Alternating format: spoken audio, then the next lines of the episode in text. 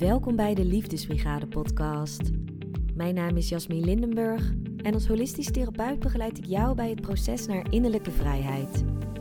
Ik help je bij het loslaten van belemmerende overtuigingen en onverwerkte emoties, zodat jij vol zelfvertrouwen gaat staan voor wie je bent en je jouw eigen pad gaat bewandelen. Hier vind je inspirerende inzichten, wijze lessen en praktische tips voor een diepe hartsverbinding met jezelf en met anderen. Want echt leven is verbinding en verbinding is liefde. Luister je mee? Dag lieve mensen van het mooie leven. Of zal ik zeggen het witte leven? Aangezien we deze week natuurlijk overal een dikke witte laag sneeuw op hebben zien liggen. Ik ben benieuwd hoe jij het vond deze week. Ik zelf dacht in het begin, mm, voor mij hoeft het niet zo heel erg. Ik hou niet echt van kou. Sneeuw is wel leuk, maar ook weer niet zo leuk. In ieder geval niet voor mij. Maar goed, toen zag ik al die sneeuwvlokjes dwarrelen door de lucht. En ik zag hoeveel plezier het iedereen bracht. En vervolgens die mooie laag sneeuw die overal ligt. Die toch wel een extra glans, een extra glittering aan de normale alledaagse dingen brengt. Toen begon ik er toch wel meer van te genieten. Het was eigenlijk alsof ik naar hetzelfde keek wat ik, waar ik normaal gesproken altijd al naar kijk. En dat ik nu eigenlijk door een andere bril naar hetzelfde aan het kijken was. En dat ik daar ook echt, ja, echt van kon genieten. En ergens naar kijken door een andere bril, waardoor je hetzelfde anders gaat zien. Dat is ook wel een mooi bruggetje naar het onderwerp van de aflevering van vandaag. Want ik wil het namelijk met je gaan hebben over confrontatie. En als ik het woord confrontatie zeg, dan ben ik gelijk benieuwd waar jij dan aan denkt. Wat zie je dan precies voor je als je confrontatie hoort? Iedereen heeft een eigen stijl om met conflicten om te gaan en je kunt ze meestal onderverdelen in een van de volgende drie scenario's. De eerste is dat je graag de confrontatie aangaat. Je vervalt snel in een discussie, je schiet heel makkelijk in de aanval en in de verdediging en je vindt het geen probleem om je stem te verheffen. In het tweede scenario vermijd je elke vorm van confrontatie. Je doet alsof er geen probleem is en je doet vooral je best om die ander te ontwijken. En in het derde scenario, dan klap je dicht tijdens een gesprek omdat je gewoon niet weet wat je moet zeggen. Je verstijft en je kan niet meer reageren. Of daarna, dan begrijp je het niet, ga je heel veel piekeren en onderga je alles zonder al te veel emotie, alsof je een beetje bent afgevlakt. En de drie scenario's die ik zojuist heb geschetst zijn de automatische overlevingsreacties: vechten, vluchten en bevriezen. Vechten, de confrontatie aangaan, vluchten, het vermijden van de confrontatie en bevriezen, dichtklappen en verstijven. De vecht, vlucht en bevriesreacties zijn dus overlevingsreacties en ze zijn in gevaarlijke situaties super waardevol. Stel je voor dat jij een tijger bent en dat jouw troep wordt aangevallen door een tijger uit een andere troep, dan is de kans groot dat jij in een vechtreactie schiet. Je gaat gelijk het gevecht aan met die andere tijger omdat jouw eigen troep in gevaar is en je wilt die beschermen. Dan ga je dus gelijk in die vechtreactie. Kan ook zijn dat je een zebra bent en dat je ineens wordt aangevallen door een aantal tijgers.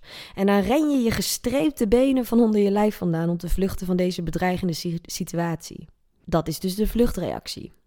En als jij een rooibok bent die lekker in de Afrikaanse zon staat te chillen en je wordt ineens overvallen door een supersnelle tijger, dan kan jouw hele systeem zo automatisch reageren dat je in een bevriesreactie schiet.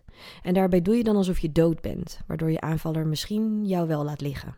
En deze laatste bevriesreactie die komt ook vaak voor bij dieren met een schutkleur, zoals konijnen, die dan door hun natuurlijke camouflage niet opvallen en als het gevaar dan weer is geweken, dan ontdooien ze langzaam uit hun bevriesreactie.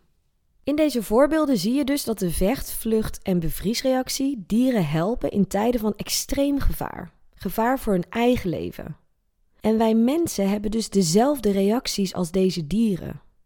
Wij kunnen dus in dezelfde reacties schieten op het moment dat we ons op een bepaalde manier bedreigd voelen, bijvoorbeeld bij een traumatische ervaring. Maar ook bij confrontatie kun jij als persoon in een van deze drie reacties schieten: vechten, vluchten of bevriezen, terwijl er in principe geen echt gevaar dreigt. Bij een confrontatie is het voor ons geen kwestie van leven of dood. En toch reageren wij precies op dezelfde manier zoals die tijger, zebra of rooibok in de voorbeelden die ik net gaf. Bij confrontaties schiet bij ons mensen de stresssituatie zodanig omhoog, waardoor we dus in een van die drie overlevingsreacties schieten. En als je hier niet bewust van bent, dan zul je dus continu in diezelfde reactie blijven schieten. Of je bent iemand die dus in de vechtreactie schiet, waarbij je dus telkens die confrontatie maar aangaat en je omgeving op een gegeven moment jou helemaal beu is. Of je gaat allerlei mensen vermijden, je wringt je in allerlei bochten omdat je heel erg bang bent voor de confrontatie, dus je bent in de vluchtreactie. Of je schiet in de bevriesreactie, waarbij je versteent op het moment dat iemand je confronteert en dan bedenk je je pas later wat je tegen die ander had kunnen zeggen. Als je hier dus niet bewust van bent, dan blijf je dus telkens in die patronen schieten. En als jij deze aflevering hebt aangeklikt, dan ga ik ervan uit dat jij van je angst voor confrontatie wilt afkomen.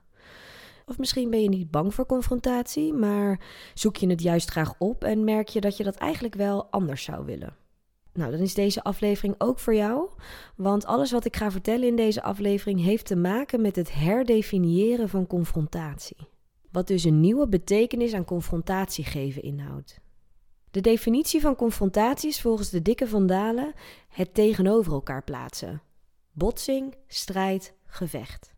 En confrontatie zien als een strijd of gevecht zorgt er natuurlijk voor dat je in zo'n overlevingsmodus schiet. Dus als jij anders wilt omgaan met confrontatie dan je nu uit automatisme doet, je angst voor confrontatie wilt overwinnen, dan is het dus belangrijk om confrontatie niet meer te gaan zien als een strijd of een gevecht, maar als een manier om dichter tot elkaar te komen. En ja, ik zei inderdaad dat confrontatie een manier is om je meer te verbinden, mits je confrontatie op een gezonde manier aangaat, op een respectvolle manier, vanuit een open houding, vanuit verbindende communicatie.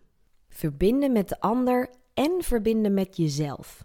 Want op het moment dat jij de confrontatie met een ander niet aangaat, niet aandurft, omdat je geen gedoe wilt, omdat je bang bent voor ruzie, bang bent voor de reactie van de ander en je de ander niet teleur wil stellen, dan is dat precies wat jij doet, maar dan bij jezelf. Door confrontatie te vermijden creëer je namelijk gedoe met jezelf. Want er speelt iets bij jou waar je geen gehoor aan geeft. En als er iets bij je is wat er speelt waar je geen gehoor aan geeft, dan gaat het op de een of andere manier toch wel ondergronds borrelen. Ook maak je eigenlijk ruzie met jezelf. Weliswaar is het dan een stille ruzie, omdat je jezelf dus vermijdt. Je hebt een bepaalde behoefte waaraan je op dat moment geen gehoor geeft. Je bent eigenlijk ook bang voor je eigen reactie. En daarom zeg of doe je maar niets. En uiteindelijk, als je de confrontatie niet aangaat, dan stel je vooral jezelf teleur. Doordat je dus geen gehoor geeft aan jouw emoties en aan jouw behoeften. Elke keer dat je een ergernis niet uitspreekt, je emotie inslikt, je mening achterwege laat en je te veel op de ander richt, maak jij jezelf onbelangrijk.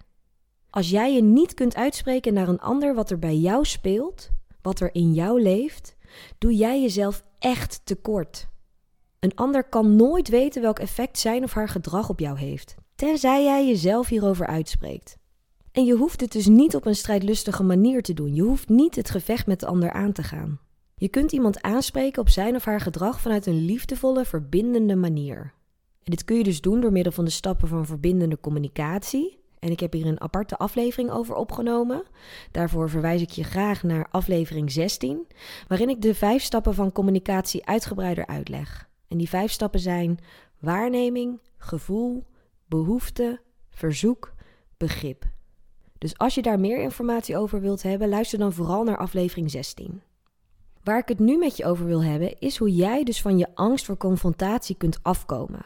En dat kun je doen door de volgende stappen te zetten die ik nu met je ga doornemen. Naast het herdefiniëren van confrontatie is het allerbelangrijkste om van je angst van confrontatie af te komen. En dat geldt eigenlijk voor alle gedragingen waar je van wil afkomen of die je wil veranderen. Is dat je erkent dat de angst er is en dat je er vanaf wilt. Want pas op het moment dat je iets erkent, accepteert dat je een probleem hebt of dat er een situatie is waarin je iets anders zou willen doen, dan pas kun je besluiten om het daadwerkelijk anders te doen. En nadat je hebt erkend dat je in grote of kleinere mate bang bent voor confrontatie, dan kun je vervolgens onderzoeken waar jouw angst precies vandaan komt. Door te reflecteren op jezelf en het ontstaan van je patronen kun je namelijk begrip opbrengen voor de manier hoe dit patroon bij jou is ontstaan. Want zo gaat het namelijk met alle gedragspatronen. Ooit heb jij in je vroegere jaren geleerd, tussen aanhalingstekens, dat confrontatie eng, pijnlijk, moeilijk en niet te winnen is. Je hebt toen jezelf op onbewust niveau aangeleerd om confrontaties uit de weg te gaan. Door bijvoorbeeld altijd te doen alsof het je niet uitmaakt, om je emoties weg te slikken, om je ergernissen maar niet uit te spreken en om jezelf onbelangrijk te maken. Please gedrag vertonen dus. En doordat je jezelf dit onbewust op jonge leeftijd hebt aangeleerd, heb je dus angst voor controle ontwikkeld. Als je er eenmaal achter bent gekomen hoe jouw angst voor confrontatie is ontstaan, en of dat nu is in je eentje of met bijvoorbeeld hulp van een coach, dan hoef je er vervolgens niet nog dagen in te zwemmen, het nog te gaan overanalyseren, het nog helemaal te gaan ontleden en helemaal erin te gaan vroeten. Je weet nu waar het ontstaan van die angst vandaan komt en je kunt hierdoor begrip creëren voor jezelf. Meer zelfcompassie ontwikkelen. En dan kun je vervolgens doorgaan naar de volgende stap. Alternatieve verwachtingen ontwikkelen. Als je je continu richt op wat er mis kan gaan zodra je het gesprek met een ander aangaat, en je focust je telkens op die moeilijke, gruwelijke, uitdagende, spannende manier hoe de ander mogelijk kan reageren, dan zul je natuurlijk nooit die stap nemen om de ander daadwerkelijk aan te spreken op diens gedrag. Focus je aandacht op wat het je oplevert als jij jezelf uitspreekt naar die ander. En dat is een heleboel. Je krijgt er meer zelfvertrouwen en meer zelfliefde door. Het verdiept de connectie met die ander, mits je natuurlijk op een gezonde manier confronteert. Jij voelt je hierdoor opgelucht. En als je alle stappen van verbindende communicatie doorloopt, dan klaart het ook de lucht op tussen jullie beiden. Door je te richten op de voordelen in plaats van op de nadelen, verander je je mindset van negatief en gesloten naar positief en open. En alleen met een positieve, open mindset kun je confrontatie verbindend aangaan. En dat is dan ook de laatste stap: het daadwerkelijk aangaan van het gesprek. En gebruik dan dus ook die vijf stappen van verbindende communicatie die ik je uitleg in aflevering 16. En ik benadruk hierbij dat het doel van confrontatie vanuit verbindende communicatie niet is om die ander te veroordelen of te bestraffen. Het is een uitnodiging om die ander een kijkje te geven bij wat er speelt in jouw hoofd en jouw hart. Omdat jij een prettige relatie, een fijne omgangsvorm met die ander wilt. Verbinding. Gezond confronteren kun je dus leren en je leert het alleen maar door het daadwerkelijk te doen. Je kunt er wekenlang over nadenken. Je kunt tot in de puntjes bedenken hoe het allemaal kan lopen. Allerlei scenario's gaan uitschrijven. Maar je kunt pas echt iets leren, echt iets veranderen, door het daadwerkelijk te gaan doen. Dus stap uit je hoofd en stap in je eigen leven.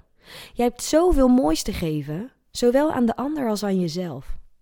Want zoals ik al eerder zei, confronteer je een ander niet zozeer voor die ander. Je doet het vooral voor jezelf. Uit liefde voor jezelf en uit liefde voor jouw behoeften. En ook uit respect voor de band die jij met die ander hebt. Dus durf die confrontatie aan te gaan. Alleen zo kun jij jouw angst voor confrontatie doorbreken. Maar choose your battles wisely.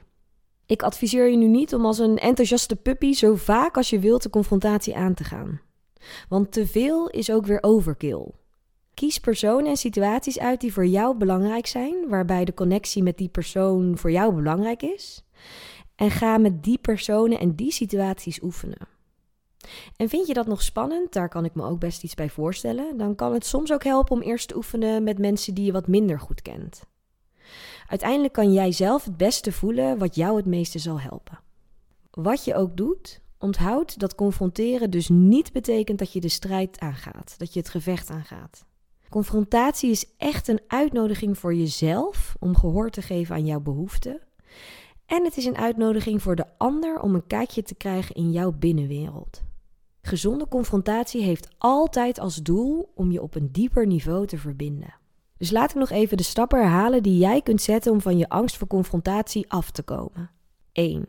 Geef een gezonde betekenis aan het woord confrontatie. 2. Erken je angst voor confrontatie. 3. Onderzoek hoe deze angst bij jou is ontstaan. 4. Heb begrip voor jezelf en je angst. 5. Richt je op de voordelen van het aangaan van de confrontatie met die ander. En 6. Het laatste is oefenen, oefenen, oefenen. En oefenen, oefenen, oefenen. Het is absoluut mogelijk om jezelf te bevrijden van je angst voor confrontatie. Je dient het alleen wel echt te willen. En pas als jij het echt wil, pas als jij echt wil dat dit verandert in je leven, dan voel je die drang om er echt mee te gaan oefenen. Want alleen door het te doen kun jij een automatisch gedragspatroon doorbreken. Ik wens je heel veel succes met het loskomen van je angst voor confrontatie en ik wens je hele mooie, verbindende gesprekken toe. Geef jezelf vooral een dikke knuffel van me en dan hoop ik dat je er weer bij bent bij de volgende aflevering. Heeft mijn podcast je aan het denken gezet en ben je klaar voor echte verandering in je leven? Inzicht zonder handeling brengt geen verandering. Boek daarom nu een gratis kennismaking en dan kijken we samen hoe ik jou het beste kan helpen in mijn holistische praktijk. Ga voor het boeken van jouw gratis kennismaking naar deliefdesbrigade.nl en dan spreken we elkaar gauw.